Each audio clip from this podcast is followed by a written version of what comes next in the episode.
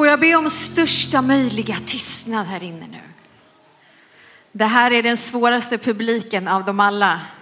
Vi ska se om vi klarar oss idag. Men hörni, det är ju familjemöte idag, eller hur?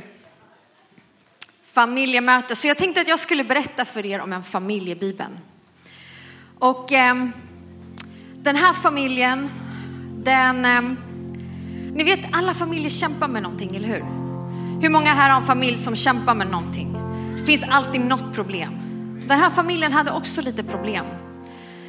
Om man hade tittat på den här familjens Instagram så hade bilden för söndag morgon varit så här. Alla äter frukost tillsammans, alla är glada. Familjen gör daily devotional tillsammans. Ytan såg väldigt bra ut. Men bakom stängda dörrar så fanns det bekymmer. Det fanns saker som var jobbigt i den här familjen. Och det fanns flera personer i den här familjen, men jag vill berätta särskilt om en av dem. Och den här första personen jag vill berätta om, hon hette Hanna. Kan ni säga Hanna? Hanna. Hanna hon var en fantastisk kvinna. Hon var stark, hon var vacker, hon hade långt mörkt hår och blå ögon och hon älskade Gud av hela sitt hjärta. Hon älskade sin man, hon älskade livet. Hon var en jättebra vän till sina vänner. Hon lagade god mat, hon var vänlig mot alla hon mötte. Alla tyckte om Hanna. Men det var också någonting speciellt med den här Hanna. För det fanns en sak som hon längtade efter mest av allt i hela världen. Är det någon som har längtat efter någonting någon gång? En, kanske en present eller att någon man ska träffa ska komma och hälsa på. Hon längtade efter någonting och hon längtade så mycket så hela hennes hjärta gjorde ont. Är det någon som vet vad hon längtar efter? Hon längtar efter ett barn. Hon längtade efter att bli mamma. Hennes största dröm, vet ni vad det var? Att fira mors dag. Att få fira mors dag, det var det hon längtade mest av allt efter. Men hon kunde inte få några barn. Hon hade försökt och försökt men det gick inte. Och det här var hennes största sorg i livet. Det gjorde så ont i hennes hjärta. Det var hemskt. Hon tyckte att allt, blev, allt i hela livet bara blev mörkt och kallt och tråkigt på grund av att hon inte fick sin dröm uppfylld. Det kändes som att alla tittade snett på henne. Det kändes som att alla tyckte att hon var misslyckad. Det kändes som att alla såg ner på henne för att hon inte kunde få det här barnet. Hon kände sig så dålig. Men hon hade en jättefin man. Hon älskade honom och han älskade henne. De hade ett fint hem och ett bra liv och fina vänner. Alla trodde att hennes liv var perfekt. Hon la upp de här glada bilderna på Instagram men egentligen så grät hon inombords. Hon saknade verkligen det här lilla barnet.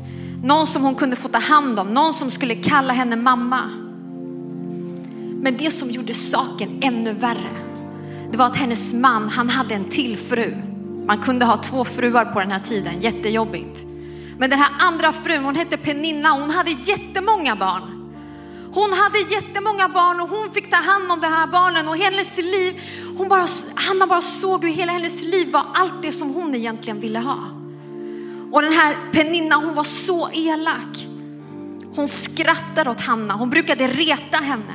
Hon brukade prata bakom ryggen med de andra kvinnorna i staden och säga, Hanna kan inte få några barn. Oh, alltså hon är så misslyckad. Kolla på mig. Kolla på alla mina barn. Hon kallade henne elaka saker. Hon skrattade åt henne. Hon fick henne att känna sig så När ingen såg så brukade Hanna gråta. För det gjorde så ont. Hon längtade så mycket att hon ibland till och med undrade, finns det någon mening med mitt liv? Varför lever jag ens? Jag kan inte få barn, jag kan inte göra min man lycklig. Men det enda hon kunde göra, det var att gå till Gud. Hon hällde ut all sin sorg, all sin smärta, allt det här hon kände. Hon hällde ut inför Gud för han var den enda som kunde förstå hur hon kände. Ingen annan förstod henne, ingen kunde bära det som hon gick igenom. Och fast att hon djupt där inne i sitt hjärta visste att Gud skulle svara på hennes bön en dag, för han är en god Gud, så kändes det så många gånger omöjligt. Hur ska det gå till? Hur ska han svara på den här bönen? Jag har väntat så länge. Ibland så brukade hon blunda, hon brukade föreställa sig hur hon höll ett litet barn i sin famn. Hon brukade föreställa sig hur hon skulle få trösta det här lilla barnet och mata honom och se honom växa upp. Att hon skulle få hjälpa honom genom livet. Och hon kunde bara inte släppa den här drömmen. En gång om året så brukade hela familjen packa sina väskor och de brukade åka till templet för att offra till Gud, precis som alla andra gjorde vid den här tiden. Och varje gång de kom till templet och skulle be till Gud så kom Hanna med samma bön. Gud, ge mig ett barn. Gud, ge mig ett barn. Och då hände det som alltid brukade hända. Peninna började skratta åt henne. Kommer du nu igen? Ska du be till Gud igen om ett barn? Tror du verkligen att han kommer svara dig? Du fattar väl att du kommer aldrig få det där barnet? Gud kommer aldrig ge dig det. Du är bara så misslyckad Hanna.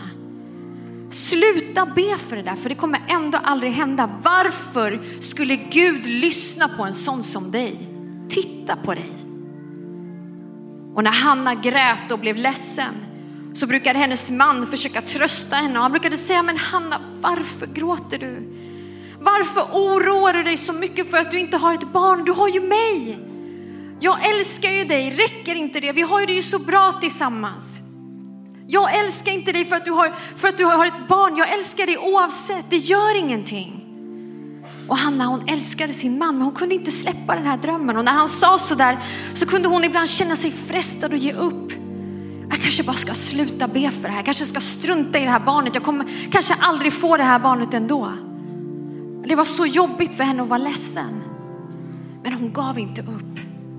Hon fortsatte att be och be och be men åren kom och åren gick utan att hon fick sitt bönesvar. Skulle du ha tröttnat? Skulle du ha gett upp om du hade bett om någonting i massa år? Kanske skulle vi ha gjort det, eller hur? Men Hanna hon gjorde inte det. Istället när hennes längtan efter det här barnet växte och blev större så blev hennes bön starkare och starkare och djupare och djupare. Och nu kom det ytterligare ett nytt år och de skulle gå till templet, den här långa resan till Guds hus. Och när de kom äntligen fram till staden Silo så var hela familjen trötta, de var hungriga. Och de satte sig ner för att äta tillsammans. Men Hanna hon ville inte äta. Hon kunde inte äta, hon kände sig inte bra. Istället så reste hon sig från matbordet och hon började gå. Hon började gå mot templet. Och redan långt ifrån så såg hon vid tempelingången att prästen Eli satt där vid ingången. Han satt där på sin vanliga plats som han alltid satt på. Hon hade varit i templet så många gånger och ropat till Gud, men den här dagen så kändes det annorlunda. När hon gick dit så bankade hennes hjärta hårt, hårdare än vanligt. Hon kände att tårarna brände bakom hennes ögonlock när hon gick mot Guds hus och hon var desperat efter ett mirakel. Gud, du måste ge mig det här miraklet. Det är nu eller aldrig Gud. Hon hade bett så många gånger. Hennes längtan gjorde mer ont än någonsin. Men den här gången så hade hon bestämt sig för att hennes bön skulle röra vid Guds hjärta. Hon hade bestämt sig för att hennes rop skulle gå ända rakt upp i himlen till sin fader. Hon hann knappt komma fram till templet innan hon föll ner på sina knän. Hon föll ner på sina knän och hon grät. Hon grät stora tårar. Tårarna rann ner för hennes kinder. Hon hällde ut all sin smärta, all sin sorg. Allt det här som verkte i djupet av hennes hjärta i tron på att Gud skulle höra henne Och i sin förtvivlan så öppnar hon sin mun. Hon försöker forma orden men det går nästan inte. Det gör så ont. Men sakta men säkert så börjar hon forma sina ord hon ber till Gud. Hon ger honom ett löfte och hon säger allsmäktige Gud. Du ser min sorg. Svara på min bön Herre, ge mig en son. Om du ger mig en son så ska jag ge honom tillbaka till dig Gud. Han ska tillhöra dig hela livet. Jag ger dig min dröm Gud. Jag ger dig min dröm innan den ens har gått i uppfyllelse. Hon gav honom allt. Hela den här resan med att komma till templet, det handlar ju om att man skulle offra ett lamm till Gud för att visa Gud sin kärlek, för att få syndernas förlåtelse, för att Gud skulle svara på folkets böner. Det var så man gjorde på den här tiden.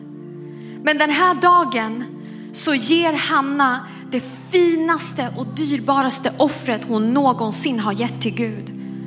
Hon bestämmer sig för att offra sin dröm till Gud. Hon bestämmer sig för att redan innan hon har fått hålla sitt lilla barn i famnen ge det till Gud och säga Gud ta mitt barn.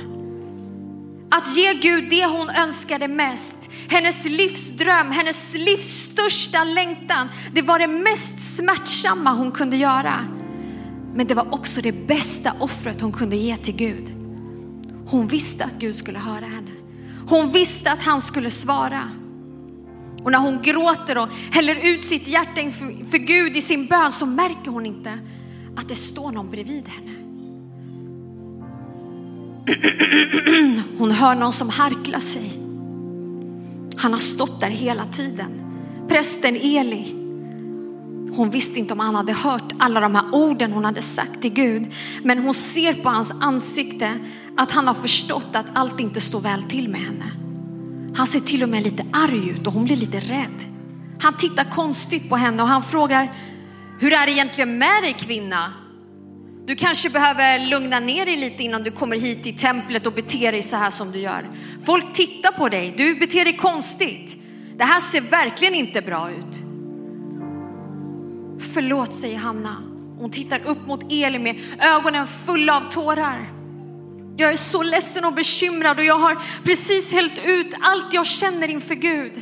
Allt jag har burit på under så lång tid har jag bara gett till Herren. Snälla tro inte att jag är en dålig kvinna Eli. Okej, okay, jag förstår, svarar Eli. Oroa dig inte. Gud kommer höra din bön, säger Eli. Han kommer svara din bön. Och hon ser in i Elis snälla ögon. Och ett leende börjar spricka upp i hennes ansikte. Elis ord, det var som att de sjönk rakt in i hennes hjärta. Gud kommer att svara din bön. Gud, Gud kommer svara min bön. Gud kommer svara min bön. Gud kommer svara min bön. Hon bara visste att han kommer svara min bön. Hon visste att nu kommer miraklet komma. Allt det jag har längtat efter. Gud, du har hört mig. Tack, tack, tack, tack Eli, utbrister hon. Hon springer glad och lycklig sin väg. Det kändes som att tusen kilo hade släppt från hennes axlar. Och Elis ord var precis vad hon behövde höra. Det var allt hon behövde för att kunna resa sig igen och det var som att en ängel hade sagt de här orden till henne. En ängel hade stått bredvid henne och tröstat henne. Hon började äta igen. Hon såg inte längre så ledsen ut. För första gången på länge så kunde hon sova gott hela natten. Och nästa morgon när hela familjen är uppe tidigt och gör sig i ordning för att gå en sista gång till templet så kände Hanna som att hon ville dansa. Hon ville dansa hela vägen hem. Hon var fri, hon var stark, hon hade fått ny tro. Peninnas ord, de kändes inte ens längre. Hon försökte med sina elakheter, hon försökte få Hanna att känna sig dålig men allt bara rann av henne. Hon hörde knappt vad hon sa för hon visste att jag har mitt mirakel. Och Gud kom ihåg Hannas bön. Det tog inte lång tid innan hon blev gravid och hon födde en fantastisk liten son. Det var den lyckligaste dagen i hennes liv. Hon kunde inte tro att det var sant. Att den här fina lilla pojken som hon höll i sin famn, som hade sin hand i hennes hand, det var hennes pojke. Hon döpte sin son till Samuel. Han fick så mycket kärlek. Han var miraklet. Men Hanna hade inte glömt det där löftet som hon hade gett till Gud. Hon hade alltid väntat på ett barn och nu när hon äntligen hade fått det så visste hon att hon måste ge det tillbaka till Gud precis som hon hade lovat. Gud hade ju hållit sitt löfte till Hanna så nu var det hennes tur att hålla sitt löfte till Gud. Hennes man hade sagt, men Hanna, du får bestämma vad du tycker är bäst. hon sa, vet du, min son ska tillhöra Gud för alltid. Han ska alltid vara i Guds hus. Han ska alltid få tjäna Gud med sitt liv. Och när Samuel hade blivit lite större så tog Hanna honom till templet igen. Och där fick han växa upp i Guds närvaro. Prästen Eli tog honom i en öppen famn. Och redan som liten så lärde sig Samuel att höra Guds röst. Han lärde sig att tjäna Gud. Han lärde sig att, att växa upp i Guds närvaro. Han blev en stark profet som förändrade sin nation. Genom det här beslutet som Hanna fattade så visade hon att hon var en kvinna som litade på Gud. Och när hon gav sin dröm till Gud så blev den så mycket större än hennes egna dröm om ett litet barn. Och jag vet inte varför du kom hit idag eller hur du kom hit idag. Kanske har du en dröm som känns omöjlig. Kanske bär du på någonting i ditt hjärta som du har burit på under lång tid. Ett mirakel som du längtar efter. Och precis som Hanna kanske inte du har sett någonting. Du kanske, kanske inte har sett ett resultat. Du kanske inte har sett det du längtar efter. Du kanske till och med har blivit frestad att ge upp. Men då vill jag säga till dig idag att du kan vila i att Gud är trofast. Gud är trofast. Han älskar dig mer än någonting annat och han vill ge dig vad ditt hjärta begär. Vet ni att Hanna hon slutade aldrig be. Hon slutade aldrig be, även om Peninna provocerade henne och retade henne och var elak. Fick henne att liksom falla i tårar. Så tillät hon inte besvikelse och bitterhet att fånga hennes hjärta. Utan hon fortsatte att be. Hon fortsatte att be. När hennes hjärta brast i gråt år efter år så fortsatte hon att be. Även om miraklet inte kom så fortsatte hon att be. Det finns så många saker som kan komma emot oss, som kan överväldiga oss, som kan verka orättvisa. Men vi måste fortsätta be. Vi måste fortsätta stå där. Vi måste ta våra bekymmer, våra tårar, våran besvikelse till Jesus. För han är den enda som kan förstå. Han är den enda som kan hela oss. Och fast att hon fick sitt mirakel, när Samuel kom så fortsatte hon att be. Hon tackade Gud för välsignelserna i sitt liv. Hanna gav inte upp sin dröm. Hon gav inte upp sin dröm om ett barn när hon hade bett en månad när hon hade bett ett år, utan hon fortsatte. År efter år så återvände hon till templet med samma bön, med samma längtan, med samma rop. Det är lätt att drömma om någonting för en kort tid. Men sen tappa modet när den här drömmen inte förverkligas. Det finns så många människor, kanske sitter du här idag, du kanske själv drömmer om ett barn. Du kanske drömmer om en livskamrat. Du kanske drömmer om en upprättad familj. Du kanske drömmer om att dina barn ska komma tillbaka till Gud, om ett helande. Eller så kanske du bara drömmer om att du ska bli älskad. Att du ska känna dig värdefull. Vad du än drömmer om, vad du än drömmer om, ge inte upp din dröm. Hanna gav inte upp hoppet trots att hon fick vänta. Så jag vill fråga dig idag, har du slutat be? Har du gett upp hoppet om din dröm? Idag vill Gud ta dig till den här platsen som Hanna fick komma till. Hanna fick böja sina knän. Han vill ta dig till den här platsen där dina böner rör vid hans hjärta, där tron för mirakel växer i ditt hjärta. Ingenting är omöjligt för Gud och han vill svara dig när du ber. Amen. Hanna fick komma till slutet av sig själv. Men vad var det som gjorde skillnad? Jo, det var när hon gav upp sitt eget. När hon gav sin dröm till Gud. Den där drömmen om ett litet barn som egentligen handlade om henne själv. Den drömmen handlade om hennes egen längtan. Den handlade om att hon skulle få ett bevis på att hon inte var misslyckad. Men när hon gav den här drömmen till Gud, när hon lät Gud bli en del av den här drömmen så förändrades allt. Hennes egen dröm fick dö. Så att Guds dröm kunde bli verklig för henne. Och den drömmen handlade om en hel nation som behövde en förändring. Hannas beslut blev till välsignelse. Hon blev så välsignad. Hon blev så välsignad. Vet du att efter att Samuel hade fötts så fick hon både söner och döttrar och hon fick en stor familj. Gud välsignade henne och hon behöll sin tro hela vägen tills hon fick se miraklet. Så oavsett vad dina omständigheter är, oavsett hur hopplös din situation än är, så kan du be som Hanna. Du kan tro som Hanna, du kan ta dina bördor, dina tårar till Gud. Du kan placera din dröm i hans händer. Du kan placera din längtan i hans händer så att hans vilja får ske genom ditt liv. För den drömmen är så mycket större än vad du drömmer om. Han har alltid rätt timing. Så om du bär på en dröm och en längtan i ditt hjärta idag som kanske känns omöjlig. Kanske har du bett om det länge. Kanske behöver du ett mirakel. Så räck din hand den här stunden. Vi kan stå upp, vi kan stå upp.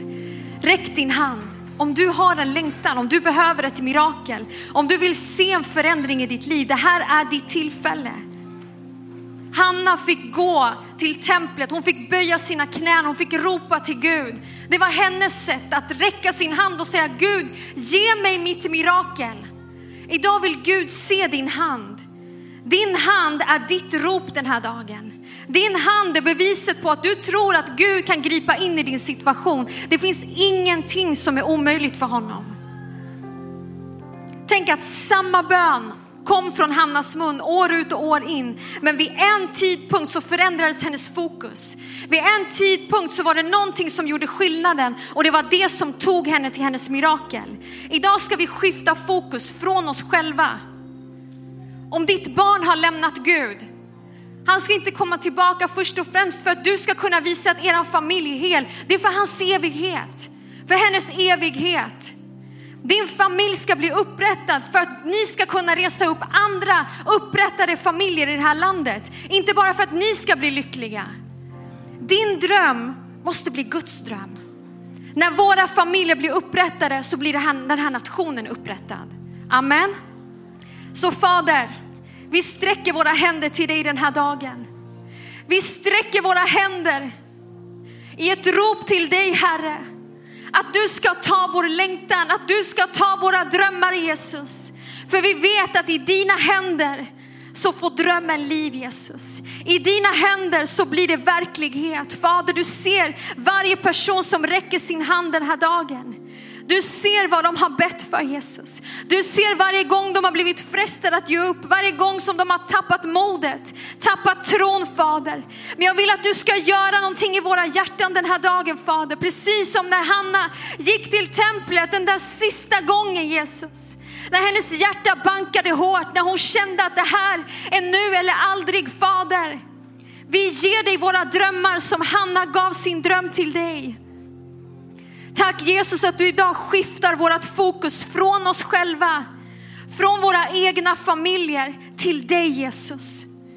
Vi vänder vår blick till dig Jesus. För vi vet att i dina händer Jesus så finns miraklet. I dina händer finns det vi längtar efter. Vi vet att du är trofast Fader. Vi vet att du är mäktig att göra mirakel och jag bara tackar dig Jesus att idag sker en förändring Fader. Idag sker en förändring Fader. Jag tackar dig Jesus att även om vi inte kan se det med våra fysiska ögon så ska vi bara veta, precis som Hanna visste när hon gick från templet den dagen att miraklet redan var hennes. Så ska vi veta idag Fader att du redan har gjort det. Du har gjort miraklet Fader. Jag tackar dig Jesus att du är miraklernas Herre. Och Fader idag så bara talar jag liv över varje familj Fader. Varje familj som kämpar, varje familj som lider, varje familj som behöver ett mirakel Jesus. Jag bara tackar dig Fader att det här är året Gud då du ska upprätta våra familjer. Det här är året Fader och du ska hela varje sår. Det här är året Fader och du ska hela äktenskap. Fader det här är året och du ska ge livskamrater till de som längtar. Det här är året Fader och du ska ge barn till de som längtar. Fader jag tackar tackar dig att du är miraklernas Herre. Och Fader, idag tar vi vårt mirakel. Idag tar vi vårt mirakel Fader. Och jag bara tackar dig Jesus att du stärker våran tro, du förnyar våran tro Fader. I Jesu namn. I Jesu namn. Och Fader, jag tackar dig också att du lyfter av all besvikelse, all bitterhet, all oförlåtelse som vill plåga våra liv, som vill stjäla miraklet ifrån oss Fader. Jag tackar dig Jesus att vi idag får ta beslutet att bevara våra hjärtan precis som Hanna bevarade sitt hjärta i allt hon fick gå igenom. När det kom motstånd, när hennes mod svek henne Gud. Jag tackar dig Jesus att vi ska få se på dig Jesus. Tack att hos dig finns allt det vi behöver. Bara rena våra hjärtan den här stunden. Hela våra hjärtan Fader. I Jesu namn. I Jesu namn. Amen. Amen. Det sista vi ska göra innan vi avslutar den här morgonen. Det är att jag vill fråga om du finns här idag och du vill ta emot Jesus. Jesus älskar dig så mycket. Han gav sitt liv för dig. Han har offrat allt för dig. Han vill att du ska veta att han har bara goda tankar för dig. Och idag kan du besluta dig för att ta emot Jesus. Göra honom till Herre i ditt liv. Låta mörkret flytta ut och ljuset flytta in. Så om du finns här idag, bara räck din hand den här stunden. Spelar ingen roll hur gammal du är. Finns det någon som vill räcka sin hand och bara ta emot Jesus?